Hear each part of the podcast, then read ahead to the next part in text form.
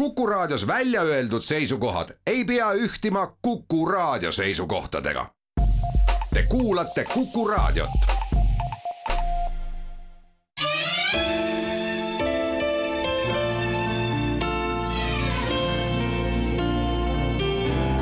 nädala raamat. Peep Veedla, laululindude pesade taskugiid kirjastuselt Pesapaik head Kuku kuulajad, Kuku selle nädala raamat on laululindude pesade taskugiid, mille on koostanud Peep Veedla ja välja on antud see Peep Veedla enda kirjastuses Pesapaik. Peep Veedla on sel nädalal ka meie saatekülaliseks ja tere, Peep! tervist! Mina, Marek Strandberg, saatejuht ja küsingi taustaks, et no neid äh, raamatukesi, mis linde meile sisse juhatavad, on üsna mitu.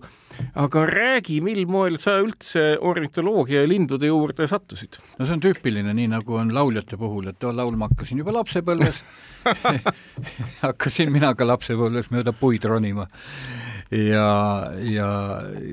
ütleme, kui sa elad maal ja, ja sul on kohe käe-jala juures on mets ja, ja selle Äh, selle taga on raba, teiselt pool on äh, ütleme, selline niiske heinamaa, äh, siis on selge, et ümberringi on erinevaid linde mm, ja neid on palju ja nad ka pesitsevad seal ja, ja muidugi see minu tutvus algas niimoodi inetult, et noh, öeldi, et need pasakapesi tuleb hävitada, need äh, söövad meie marju, noh, pasakateks nimetati hallrästaid, äh, tegemata vahet üldse rästaliikidel äh, ja, ja nii on see tegelikult hallrästa ka siiamaani, et neid küll nii öeldakse paskrästas või tähendab, paskrästas tal ongi paralleelnimega, öeldakse pasknäär ja, ja öeldakse pasakas, aga, aga see, et ta nimi on hallrästas, ei tea ta nii hästi ja, ja tollal äh, muidugi siis said kannatada ka muud rastaliigid, kes ei käinud aias marju söömas, aga õnneks oli see periood lühike ja, ja sellele järgnes juba teadlik äh, tegutsemine äh, lindude uurimise ja kaitse eelkõige ikkagi nendega tutvumise vallas. kui kooli lõpetasid, siis olid juba haritud enda poolt linde asjatundja jaa, sellepärast, et äh, selle perioodi sisse, kui ma käisin äh, veel isegi põhikoolis, jah, toimus ju Eesti esimese haudelinnustiku leviku atlase mm, koostamine, mis baseerus ikkagi suures osas harrastajatel. sa olid osaline? ja mina olin üks osaline jah, ja selle käigus, kuna, kuna mul oli kaaslaseks, oli siis ülikoolis tudeeriv tudeng, ta tudeeris küll metsandust, aga, aga noh, ikkagi minust mitu aastat vanem ja juba targem tema najal siis koos käisime ja, ja niimoodi ma õppisin ja muidugi oli minul, mul oli noh, piibel ka abiks, aga, aga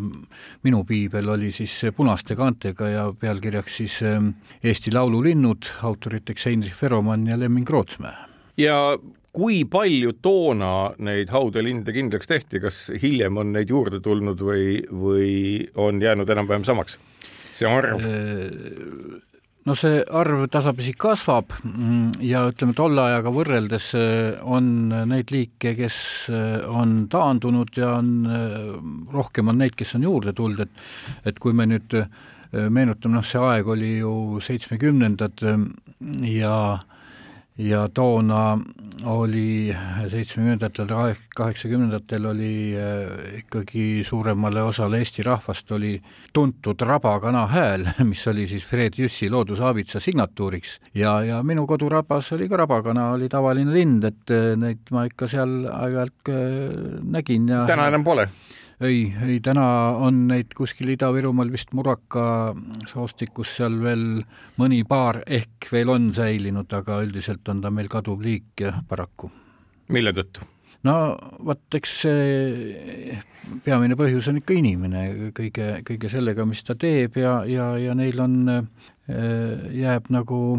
ruumi vähemaks, aga muidugi Rabakanal on ka suureks põhjuseks olnud need äh, mitmed lumevabad talved, sest eh, ega tema sulestik läheb ikka talvel valgeks ja, ja katsu sa siis äh, ellu jääda, kui lund ei ole ja sina oled valge see on päris keeruline ülesanne, isegi kaitseväelased ei tule sellega toime oma, selle tõttu neil ongi väga erinevad kaitse nojah. kamuflaaživormid. Nendel on, et saavad panna vastavalt ilmastikule vahetada, aga, aga rabakana läheb äh,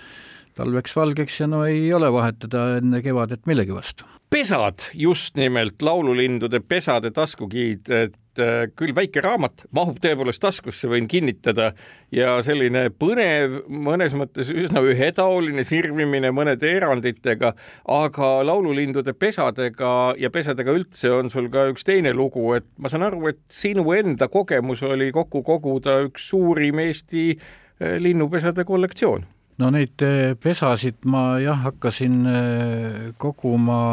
eh, ennekõike siis, kui ma kaheksakümne üheksandal aastal läksin tööle Eesti Noorte Loodusmajja. Ja, ja seal juba oli selline kogu ees mingisugune, seda ma hakkasin siis täiendama ja, ja, ja selle baasil sai üheksakümne esimesel aastal tehtud ka selline korralik linnupesade näitus, millega äh, siis Eesti Televisioon äh, tegi saate selle kohta, see on kas säilinud siiani, et noh, hea omal teinekord äh, vaadata, et mis, mis mul siis seal koos olid, aga neid pesi, äh, pesi jah, siis sai ähm, kogutud ja ja paraku mm, on nende säilitamine raske, eriti elades maal kus toimetavad ka hiired, siis ähm, mul on neid palju läinud nagu nende nahka, aga õnneks äh, sai üks äh, selline korralik kollektsioon äh, siis kingitud Matsalu rahvuspargi keskusele, kui seal Penijõel uus keskus valmis sai. ja see on seal siiani näha ju? jaa, see on, siiani on, saab neid pesi seal näha, et, et see õnnestus säilitada, kõik ülejäänud mul jah, vahepeal pistsid hiired nahka ja, ja nüüd, nüüd ma vaikselt jälle kogun uut kollektsiooni. Tasapisi täidan neid pesi ka siis juba munamulaažidega. kuidas on, puu otsa ronimine tuleb jätkuvalt välja nagu koolipõlves või on abivahendeid rohkem vaja? ei, minust enam äh, väga puu otsa ronijat ei ole, kehakaal on selline, et äh, peab väga tugev puu olema, äh, aga noh, õnneks on, on neid inimesi ikka, kes ronivad ja, ja kes sealt pesad alla toovad, kui vaja, noh muidugi need pesad saab alla toodud siis, kui linnul neid enam vaja ei lähe, kui on pesitsusperiood läbi, aga õnneks ka muidugi on rohkem on selliseid linde isegi vast, et kes teevad nii madalale pesad, et ma saan ise kätte, et kas siis kuskile põõsastesse või, või peidavad noh, ükskõik, kas puuriita kas või no kuhu iganes, et neid võimalusi on palju. küsin siia juurde, et kuna metsloomi linnadesse tuleb aina rohkem ja rohkem juurde, oled sa leidnud ka näiteks linnupesi mõnes mõttes tavatutest kohtadest, kus on see tehtud mingisuguste, noh, me teame, et autodesse ja mujale, aga veidramatessegi kohtadesse. noh, siin näiteks Postimehe maja üle hoovi Masina tänava poolse katuse peal on kajakas, kes iga aasta teeb oma pesa pigiämbri sisse, mis on jäetud korstna külge ja vaatamata sellele, et ma kujutan ette, et seal temperatuur on meeletult kõrge, haub ta seal välja pojad. Ja kõik on väga hästi.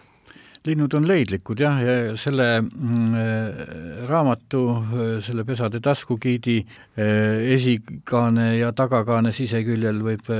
näha toredaid pilte, kus on tehtud kord pesa siis saapa sisse ja, ja kord kaabu sisse, et et selliseid toredaid kohti leidub ja, ja, ja leidlikke linde ja ja üldse, mm, kui äh, inimestel no, on sageli arvamus, et kas või kuldnokad, kes on meil nii tavalised koduaia pesitsejad ja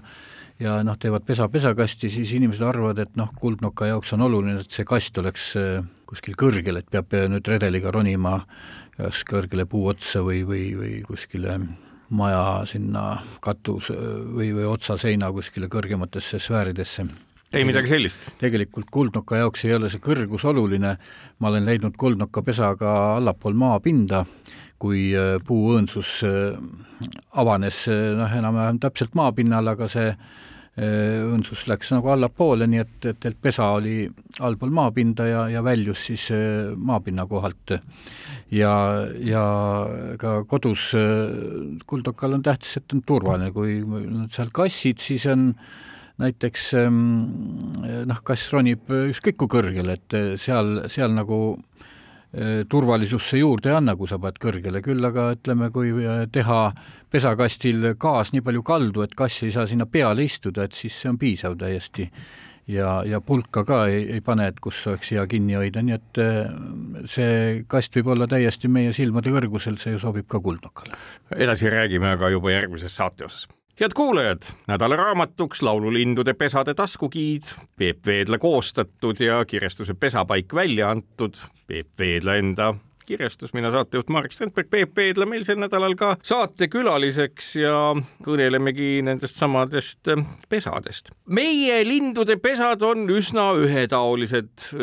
selles mõttes esmapilgul, et kõikidest materjalidest, mida lind neid kokku paneb, olen vaadanud aegade jooksul erinevaid teadusartikleid, mis käsitlevad seda, milline on see pesa struktuur ja kõik muu ehk nüüdisaegsed tomograafia meetodid võimaldavad kõikvõimalikul moel seda analüüsida. räägi, kas sulle on ka silma torganud näiteks see, et kuidas siis nagu erinevad linnud seda pesa kokku sätivad nendest materjalidest, et noh, nad on ikkagi ju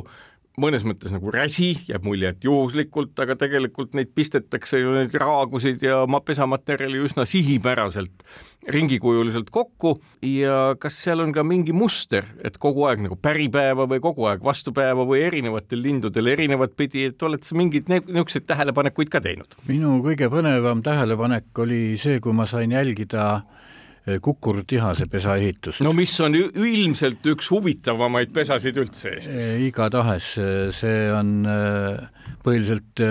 hundinu ja vatist koosnev ja, ja selline rippuv, väga peenikeste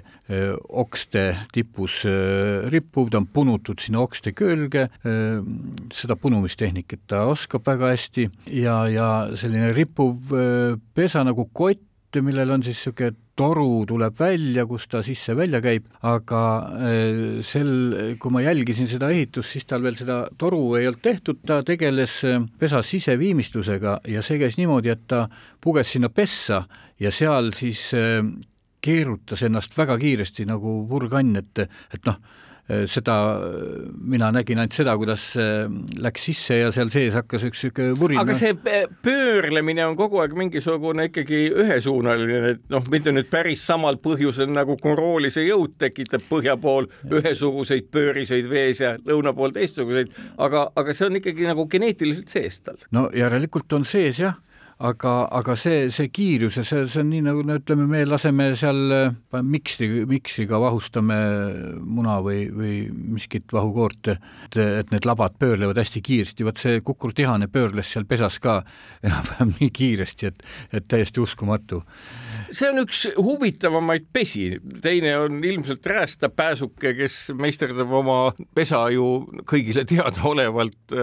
äh, Äh, alla savist, morist ja muust sellisest. kus me võime näha neid äh, kukurtihase selliseid kookonina või sellise, noh, ma ei oskagi öelda, nagu nüüd on moodne rippuv telk, eks ole, puude vahel, midagi samasugust, aga hästi pisike. Äh, kui sageli neid ette jääb ja kui märgatavad need on? kukurdihane on meil kasvava arukusega linnuliik, et noh, minu lapsepõlves, kui ma alustasin tegevust, siis neid, nad olid alles Eestisse tulnud, väga haruldane liik oli, nüüd on ta juba mm, hajusalt üle Eesti levinud, arvukus ei ole suur, aga teda on, et noh, ütleme siin Tallinnas mm, on tema pesitsuspaik ennekõike Paljassaares, seal ma olen mitmeid pesi leidnud ja neid on kõige lihtsam leida siis, kui juba on pesitsusperiood läbi ja puud langetavad lehed, mm, sest äh, lehtpuude otsast pesi leida äh, suvel, kui puud on lehtes, on palju raskem. ja ta ehitab pesa pärast äh, lehte minekut, nagu enamus linde vist? no ta hakkab kevadel pihta tegelikult, kui on see lehte mineku aeg, et et kui ta saab pesa valmis, siis on juba enam-vähem lehtes jah, aga, aga alustades veel, veel päris ei ole. noh, eks see võtab ka natuke aega, see, see lehte minek nii-öelda, kui tulevad hiirekõrvad ja ja kui siis on päris lehtes, nii et ka jah, kevadel, ütleme selle pesa ehituse ajal võib ka, on kergem leida. nii et kui te inimesed kuulete me juttu, võtate selle raamatu ette, leiate sealt tõesti üles ühe unikaalseima pesadest Kukur tehase oma et siis ikka tasub nii linnas kui, kui metsas ka lehtpuises ringi käia ja otsida. no kukurdehane päris metsas ei pesi, tal on ikkagi niisked, äh, niisked sellised äh, noh, sellised kohad, kus kasvavad ka hundinuiad ja, ja ütleme, ma olen päris palju pesi leidnud Maardu järve ümbert erinevatest järvekülgedest, seal, seal paistab ta päris arvukas olema, aga aga ka mujal Eestis noh, näiteks möödunud kevadel, kui eh, Lääne-Virumaal käisin Mahu külaseltsile rääkimas, siis kaks talunikku ütlesid, et minu maa peal on kukurtihane pesitsema. ta on niisugune müstiline selliste tumedate prillidega tegelane, hästi selline huvitav, et kui ta saada ka niisama pildi peale, on ta ju väga vahva. jaa, ta kannab, kannab musta maski, jah. kus ta talvitub? Ta läheb ikka sinna, eh, noh, ta päritolu ongi Itaalia kandist, et, et seal, seal peaks ta ka talve mööda saatma, nii et päris seal Lõuna, Lõuna-Euroopas kuidas tema eluga on, ühe korraga lendab sealt siia või, või teeb vahepeatusi? no ega päris ühe jutiga ju noh, sõltub kõik eh, mitmetest asjaoludest, ma ei oska nii täpselt eh, tema, tema seda rändeteed ega seda vist ei olegi, ma ei ole trehvanud küll lugema kuskilt, et kus oleks jälgitud, vaata suurematel lindudel pannakse saatjad selga ja siis on täpselt teada, kus neil on need peatused ja e, kus, kui kaua, kus nad liiguvad, väikeste puhul on siiamaani paraku noh, ütleme ma ei tea, kas kukurtehaseid isegi rõngastatud on ju see on vist väga pisike lind noh, pisike, aga, aga ütleme neid äh, poegi, et rõngastada ma ei kujuta ette, kas neid sealt pesast kätte saab ilma, et pesa kannataks, et äh, tundub äh, küll väga kahtlane tegevus ja, ja kui palju neid nüüd võrkudesse lendab, ma ei tea, et, et ma usun, et, et ega tema selle rännete kohta ei olegi liiga palju meil teadmisi, et see, see kõik aja jooksul tuleb veel. siinkohal jätame saate ja kuulake meid järgmises osas edasi head kuulajad, nädala raamat Kukus laululindude pesade taskugiid koostanud Peep Veedla, mina saatejuht Marek Strandberg, Peep Veedlaga sel nädalal ka kõneleme. ühtekokku on selles raamatus kaheksakümne nelja Eestis pesitseva laululinnu pesa ära toodud. räägi, kui paljud nendest pesadest on su enda pildistatud ja kui palju siis äh, on abi saadud väljastpoolt? Oi, enda pildistatuid on vähe. Eh, ega ma ei ole ka nüüd mingi fotograaf, et eh, siin on mingi kümmekond pilti on endalt, aga aga ka Eesti autoritelt eh, sellist raamatut kokku panna on, oli praktiliselt võimatu, et et Eestis ei ole teada ühtegi fotograafi, kes oleks pesade pildistamisele spetsialiseerunud ja, ja seetõttu tuli, tuli abi otsida mitmelt poolt ja, ja siin no kuidas nende muude autoriteni mm, olen ka jõudnud, siin on ka sellist, on juhust ja, ja on ka sihipärast tegevust, juhus selline tore oli näiteks Tallinna loomaaeda külastades leidsin laste loomaaia aia pealt ühe mm, lepalinnu pesa foto ja selle, selle all siis autori kontaktid ja see autor oli siis Lubomir Hlasek Tšehhist, Eh, noh, võtsin kontaktid, kirjutasin, mm, sain temalt tema pilte ja sain, selgus, et tal on ka vend, kes pildistab pesasid, nii et siin on eh, siis kahe Tšehhi venna pildid ja, ja üks Tšehhi autor oli mul juba ennem partneriks. ja, ja huvitav oli ka, mm, eh, kui jäin hätta siisikese pesa, noh, mul neid pesi oli rohkem muidugi, aga aga leidsin kuskilt internetist, et ühe siisikese pesa pildi, kus oli autori nimi all, guugeldasin Äh, Paul, Paul Halfield, äh, noh, kirjutasin mehele, äh, oli Walesi mees ja selgus, et siisik oli tema lemmiklind, tellisin siisikese pesapildi ja, ja mitmeid veel ja ta saatis mulle kakskümmend pilti siisikeste pesadest, sest ta ütles, et siisik on tema lemmiklind ja muudkui ronib ja pildistab ja küsis, et kas sa oled ka pesade otsija, et ma tulen Eestisse, lähme ronime kas koos. ta tuleb nüüd Eestisse pesi otsima? Karta on jah et, et igal juhul see plaan oli tal juba ennem, kui ma talle kirjutasin, et, et siia tulla ja, ja, ja no nüüd seda enam, ma usun, et ja eh, tema eh, honorari soov oli, et tahtis mu raamatut omale siis ja, ja sai juba raamatu kätte ja, ja kirjutas, oi, väga vahva ja, ja noh, oli, oli nagu nii-öelda sillas. ma mõtlen just seda, et äh sa ütled kakskümmend siisikese pesapilti, et eh, no minusugusele eh, mitte väga palju linnupesi vaadanule, noh, et kas siisikese pesapildid üksteisest üldse erinevad, mis sinu silm ütleb, et kui neid nii palju pildistada? Noh, see, need erinevused on sellised nüansid, et ega noh, oligi, mul oli ühte korralikku pilti vaja ja need kakskümmend olid kõik korralikud, no vali sealt siis välja. Aga, aga noh, nii palju erinevad, üks on nagu mingi ühe puuliigi otsas, teine teise ja noh, mingid sellised, no ühel on täiskornas või pildistamise hetkel võib-olla viis muna, teisel kuus, need on, need on puhtad nüansid, et, et noh, tegelikult selleks, et nüüd seda määrajat kasutada, nii nagu mm, see ette nähtud on, on ju vaja ühte korralikku pilti, kus sa mm, näed, äh, missugused on munad ja hea, kui on võimalikult palju näha ka seda pesamaterjali, et ehkki ütleme, see pesamaterjal on siin ähm, tekstis kirjeldatud, aga aga noh, kuulda on, et seda mm, määrajat äh, on juba tellitud üksjagu ka lätlaste ja leedukate poolt ja, ja, ja võib-olla mujaltki Euroopas, sest et ega sellist ähm, pisikest pesade määrajat ei ole ju välja antud kuskil ja, ja kuna siin ikkagi olulise tähtsusega on need numbrilised näitajad, siis on ta kasutatav ka muukeelsetel, seda enam, et linnunimed on ju kuues keeles antud. ma just mõtlen seda, et kas nüüdisajal, kui me näeme ühtepidi äh, paberikasutuse vähenemist, digitaalse ajatu kasvu, tehisintellektide arengut ja kõike muud, et kas on pähe tulnud ka see, et selline giid oleks, ütleme, mingi nagu moodne on äpina telefoni laetav ja siis äh, võrreldav visuaalselt? no ma loodan, et tehakse selline asi ka ära, aga ütleme, kuna mina olen äh, noh, enam-vähem IT-idioot, et et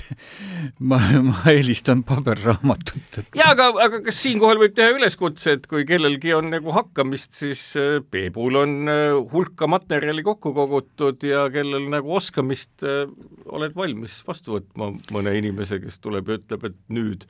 me tahaksime teha sellise, sellise pesamääraja? jaa, loomulikult igasugused koostööd on, on teretulnud jah, ja, ja, ja ma usun, et neid äppe tehakse, noh, ütleme praegult, mis siin eestlased on teinud, on see Siutsu äpp, mida mina omale isegi ei ole tõmmanud, sest ta veel tahab väga palju arendamist. mis see on? Siutsu äpp on see, et kui lind laulab, sa salvestad ja, ja see sulle annab siis variandid, et mis lind see võiks olla, aga noh, tema see äratundmise oskus on üsna nõrgukene veel teine äpp Eesti linnud, see on mul ka mm, seda kasutan ka mina, see on päris hea. kasutan ka, aga selle puudus on see, et kui ma ikkagi eh, kuulen kuskil eh, metsas mingit eh, linnu häält, mida ma ei suuda kohe omast tarkusest ära määrata, et tahaks või, või, või noh, kahtlustan, ah see on ilmselt see lind, aga tahaks kontrollida, siis tuhkagi ta ei avane seal, ta ei suuda mm, alla tõmmata, see internetivõrk ei ole meil ikkagi nii arenenud, et et see igal pool suudaks need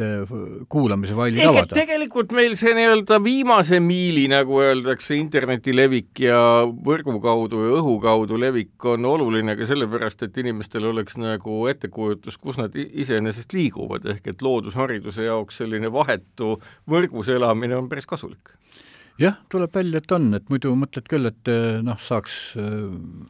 rahu, lähed metsa, et kui levi ei ole, et väga hea, et äh, saan rahu, ometi telefon ei tirise äh,, aga samas siis tahad sedasama telefoniga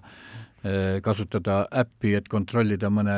linnu häält ja näed, sa ei saa, sest võrku ei ole samas ju me kujutame ette, et tehisintellekt, mis on suuteline meie sõnu ette ennustama, võiks olla ju üsna tänuväärne partner just nimelt pildi, heli ja kõige muu kokkuviimisel, mis, nagu ma saan aru, ongi nii-öelda selle ütleme siis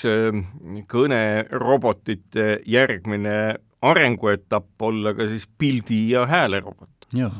seda nad loodavad no lõppkokkuvõttes peaks see tähendama ju seda, et äh, meie ettekujutus loodusest pareneb. küsin selle saateosa lõpuks veel, et et kui palju üldse kasutatakse ja kui palju on võimalik kasutada selliste pesade vaatlemiseks näiteks droone, kas nii-öelda asjaolu, et mingisugune sumisev masin seal kuskil pesa lähedal heljub, et ajab nii-öelda linnuema ja isa sealt lootusetult minema või tulevad nad ikka tagasi? droonid on väga suured abilised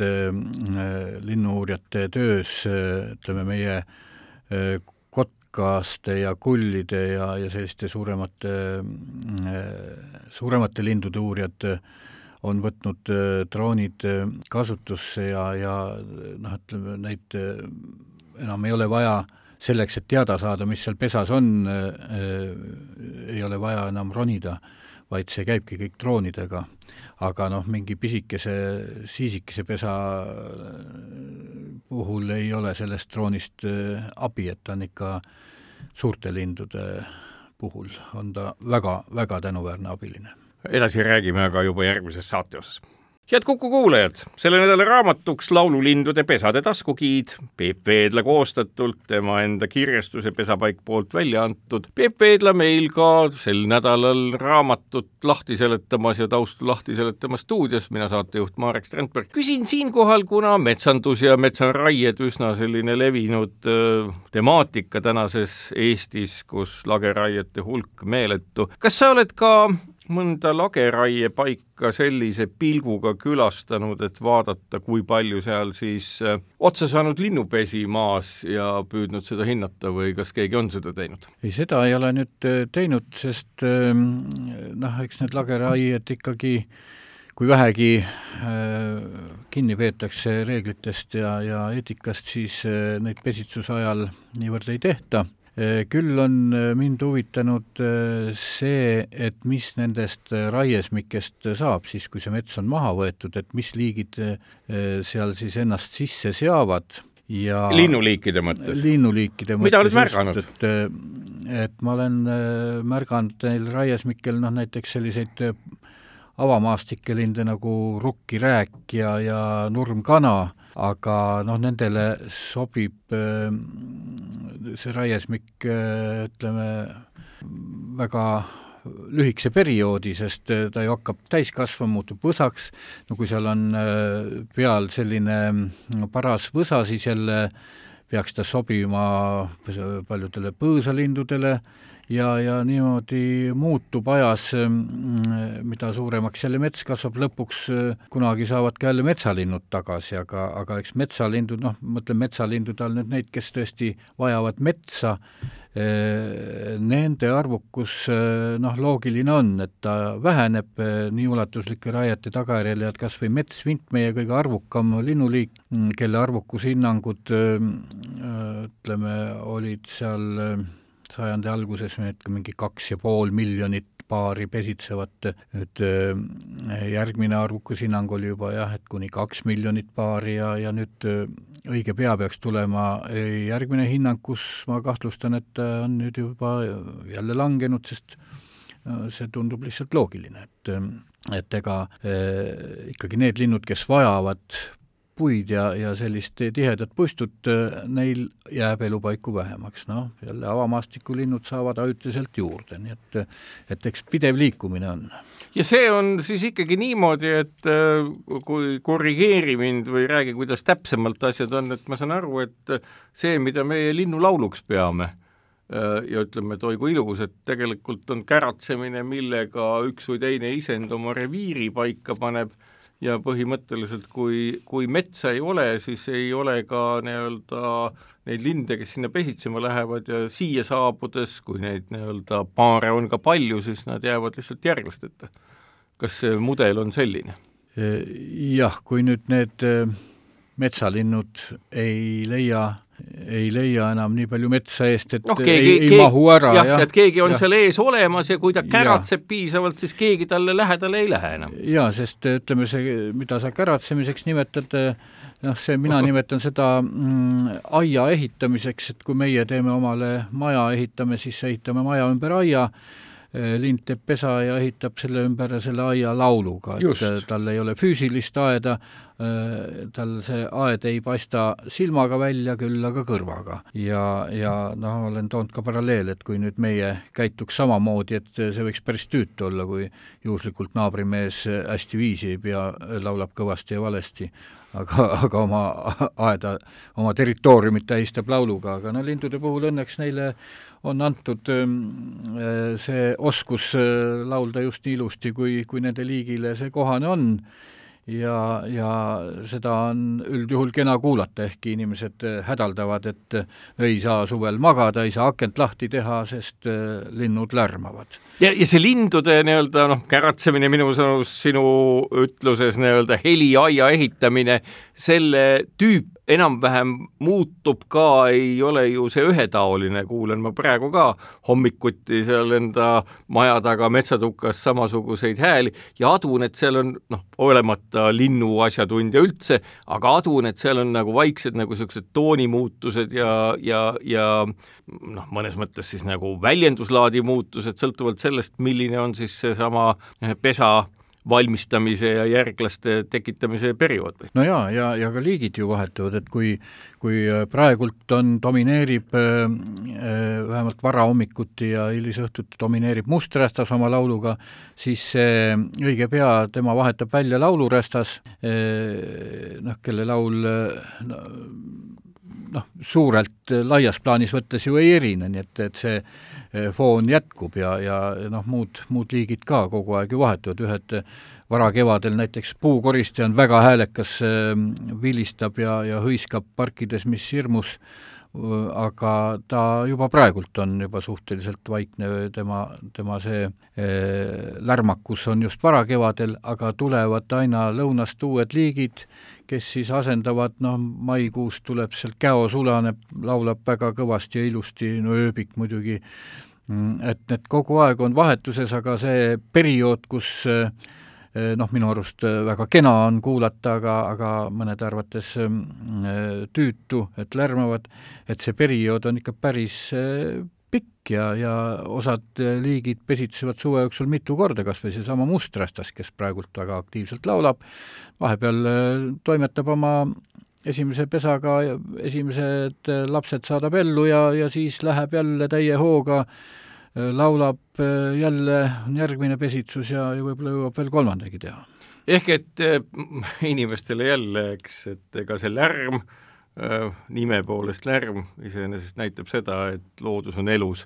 Äh, pigem peaks vist ettevaatlik olema, kui me ei kuule enam üldse linnulaulu. et see oleks nagu ikkagi nii, nagu on näiteks ju Kiili linnas, kus mingi aastate eest ma olin ja mõtlesin, midagi on siin täiesti teistmoodi. seal ei olnud linnulaulu, mitte mingit. no õnneks Tallinnas äh, veel seda hirmu ei ole, et siin isegi keset linna, ütleme, Vabaduse platsi ääres laulab ööbik täiesti kõrist, noh, kui ta kohale on jõudnud, praegu veel ei ole. Aga, aga see, mina kui maalt tulnud mees, kui Tallinna tulin, siis oli minu jaoks üllatus, et, et siin ka keset noh, seda päris südalinnas laulavad ööbikud ja muud linnud ja, ja ütleme, Leevike pesitseb Mustamäel äh, suurte korterelamute akende all männijookste peal, et et selliseid maamehele üllatusmomente oli linnas palju, nii nagu linnameestel vastupidi maal jälle on. no ja, et kuidas nad siin üldse elavad, on põhiline ja. linnamehe hirm või linnanaise hirm, aga mitte ka alati. mõtlen siinkohal, et kas võib õhku visata mõne ideegi, et äh, näiteks kui sa ütled, et äh, Tallinnaski ja muudes linnades sellist linnulaulu ohtralt kuulata, et kas võiks olla keskkonnaseisundi üheks mõõtjaks näiteks äh, hulgaliselt mikrofone, mis siis äh, salvestaksid just nimelt äh, erinevate lindude laule ja helisid ja tuvastaksid muutusi, mis aastate jooksul tekivad. meres ju näiteks vennad Jussid ja kolleegid neil pringlite hääli ju püüavad kõikvõimalike sensoritega, mis oluliselt keerulisemad kuna peavad vee all töötlema võrreldes sellega, mis oleks mikrofon keset linna? no see mikrofon keset linna ilmselt äh, püüaks võib-olla rohkem neid igasugu muid hääli kinni, sest äh, mikrofonil ei ole seda omadust, et ta nüüd äh, või jah, et, et ta nüüd püüaks ainult linnulaulu, et ta ikka seda teeb pärast filter. nojah, see Osav. on jälle võib-olla, võib-olla suudab, aga piisab siin ehk ka inimkõrvast, et kui iga kevade eh, kuulata eh, ja, ja siis võrrelda neid kevadeid, noh, see on pikas perspektiivis muidugi, see niimoodi üksikuid aastaid siin, et oh, näed, möödunud aasta oli laulis selle koha peal ööbik tänavu ei ole selle koha peal, et noh, see, see veel ei näita midagi. pikas perspektiivis saab, saab pilti küll ja, ja, ja eks, eks seda kõikvõimalike selliste seiretega ju hoitaksegi silma peal. aga edasi räägime juba oma saate järgmises osas head Kuku kuulajad, Kuku selle nädala raamatuks Laululindude pesade taskugiid Peep Veedla kirjutatud ja tema kirjastuse poolt Pesapaik nimelt välja antud, ka Peep Veedla meil sel nädalal stuudios. mina saatejuht Marek Strandberg ja küsingi siin, et eh, on juba järgmise sellise linnuraamatu mõte ka peas või? oo oh jaa, ikka, eks neid äh mõtteid muidugi mm, on ja peabki olema oluliselt rohkem, kui kui neid siis äh, teoks saab, sest äh, tuleb ju kaaluda, mm, et mis on äh, noh, millel, mis on mõttekam ja, ja, ja ma olen ka mõelnud, et kas sellist väikest taskugiidi oleks veel mõnda vaja mingil teemal ja, ja tegelikult olengi jah, välja mõelnud, et, et ühe, ühe taskugiidi vähemalt tahaks veel teha. reedad millest? No võib-olla see ei oleks äh, hea, äh, see äh, vist ei, vist ei ole. siis vist ei küsi hea, rohkem. aga, aga ütleme nii, et aastal kaks tuhat kakskümmend neli ma usun, et tuleb üks taskugiid veel, mis on jälle täiesti teise funktsioon, või noh, selles mõttes sama funktsiooniline, et ikkagi linnu määramiseks, aga, aga teisel aastaajal, ütleme siis nii ahaa, ma ei hakka enam pinnima, las kõik mõtlevad ise. väike vihje. just, et äh, missugused, no ma ütlesin, et mind nagu, mind nagu kangurtihase pesa lummas siin väga, et äh, on sul veel rääkida omapäraseid lugusid nendest pesadest, mis siin üles tähendatud, et mis vase, vah-, vast ehk sellise konstruktsiooniga, no sa ütlesid, hiired söövad ära, aga milline sellise väikelinnu pesa on nagu kõige paremini igasugusele tuuseldamisele ja tuhlemisele vastupidav, olgu siis tuulele või vihmale või millele iganes. kas nende hulgas on ka selliseid nii-öelda väikseid rekordeid? no rekordeid ei oska välja tuua, aga kui nüüd tuua välja selliseid erilisi pesi, siis äh, laulurästas laulurästast oli siin eelmises saates, äh, oli ka juba juttu tema laulust,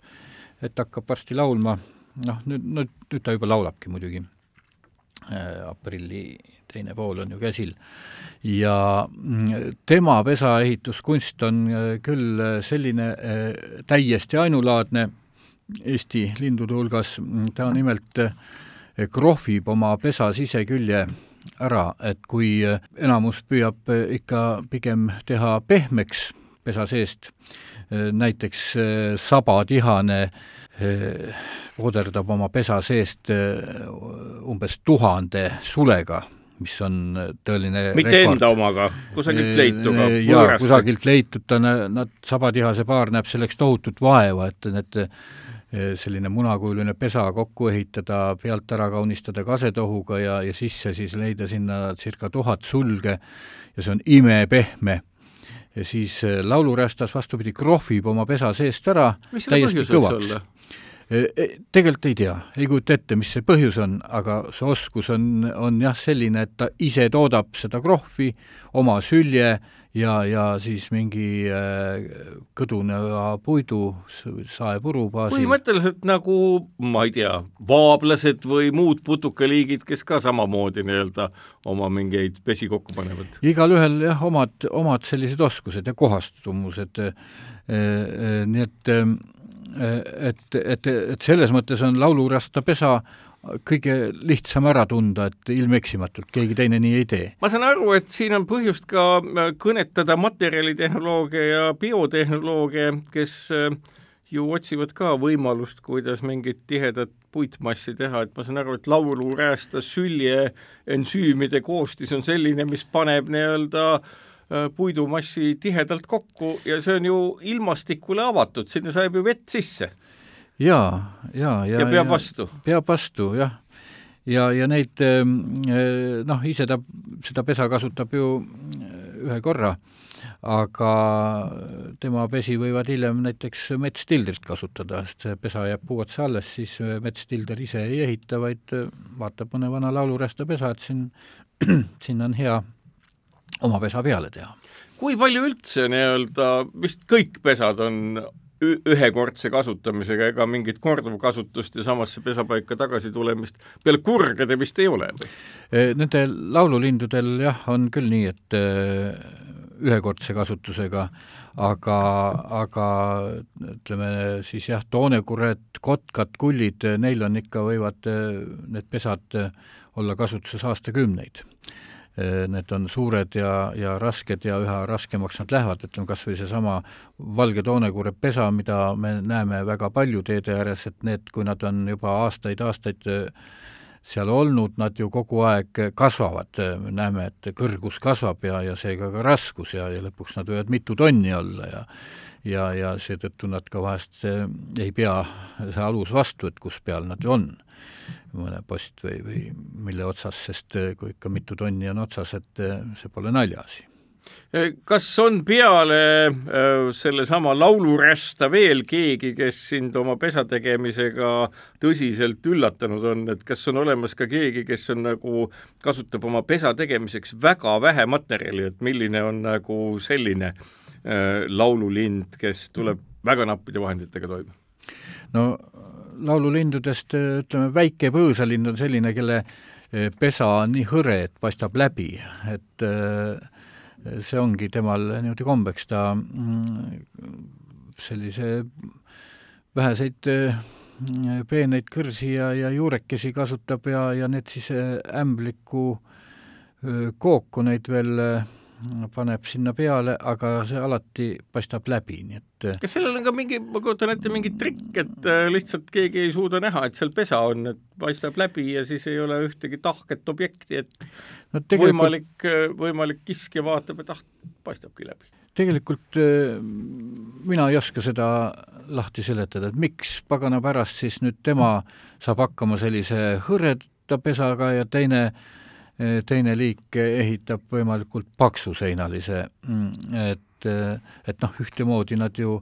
kasvatavad, hauduvad seal oma mune, kasvatavad poegi ja, ja need haudeperioodid ja, ja poegade pesas viibimise perioodid on ka ikkagi kõigil laululindudel vägagi sarnased, et seal kuni, kuni paar nädalat, nii et mm, et need kohastumused, eks need ole ole tulnud ikkagi pika aja jooksul ja ütleme, selle laululindude pesade taskugiidi kaanepilt on ju urvalinnu pesast, mis me näeme, et on suhteliselt selline paksuseinaline ja, ja seest suled ja et noh, et et, et seda on nagu lihtne seletada, miks ta on selline, sest urvalind üldjuhul pesitseb meist tükk maad põhja pool, seal ütleme, põhjas Soomes ja kus kliima äh, on pisut ähm, jahedam ja, ja siis on ka vaja, et sul oleks see pesa soojem. Ja nüüd urvalind äh, aeg-ajalt äh, ka on juba Eestis esimene juhus vist on teada aastast kaks tuhat kaheksa ja möödunud suvel leiti ka esimene urvalinnu pesa üles juba pesitsuse ajal, see toimus Tallinnas Must-Oja ääres Eh, leht metsas, nii et eh, õnnestus leidjal seda ka pildistada. ja see pilt on esimene? ei, see pilt siin ei ole, eh, tal munadega, ta leidis siis, kui olid pojad. et see munadega pesapilt, see on vist Tšehhi autori oma. aitäh, Peep Veedla, et said tulla rääkima laululindude pesade taskugiidist ja igal kuulajal on võimalik see endale taskusse panna ja minna Eesti loodusse ja linnadesse uurima, millised pesad neile ette jäävad. ja kui siit ei leia pesa, mida te leiate, siis on põhjust vist sulle helistada ja pilt saata ja küsida, kelle oma see on. ja seda on ka tehtud ja on ka saadetud ainult äh, tühi munakoor ja, ja küsitud, kellele võiks kuuluda, nii et äh, sellised võimalused on olemas jah, ja leheküljelt pesapaik.ee-l saab kontaktid. no igal juhul head lugemist ja head otsimist, kaunist päeva teile! Nii, kuule, ma väga tänan ühtekokku on selles raamatus kaheksakümne nelja Eestis pesitseva laululinnu pesa ära toodud. räägi, kui paljud nendest pesadest on su enda pildistatud ja kui palju siis äh, on abi saadud väljastpoolt?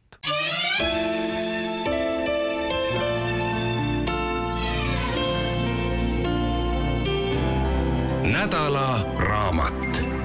Peep Veedla, laululindude pesade taskugiid kirjastuselt Pesapaik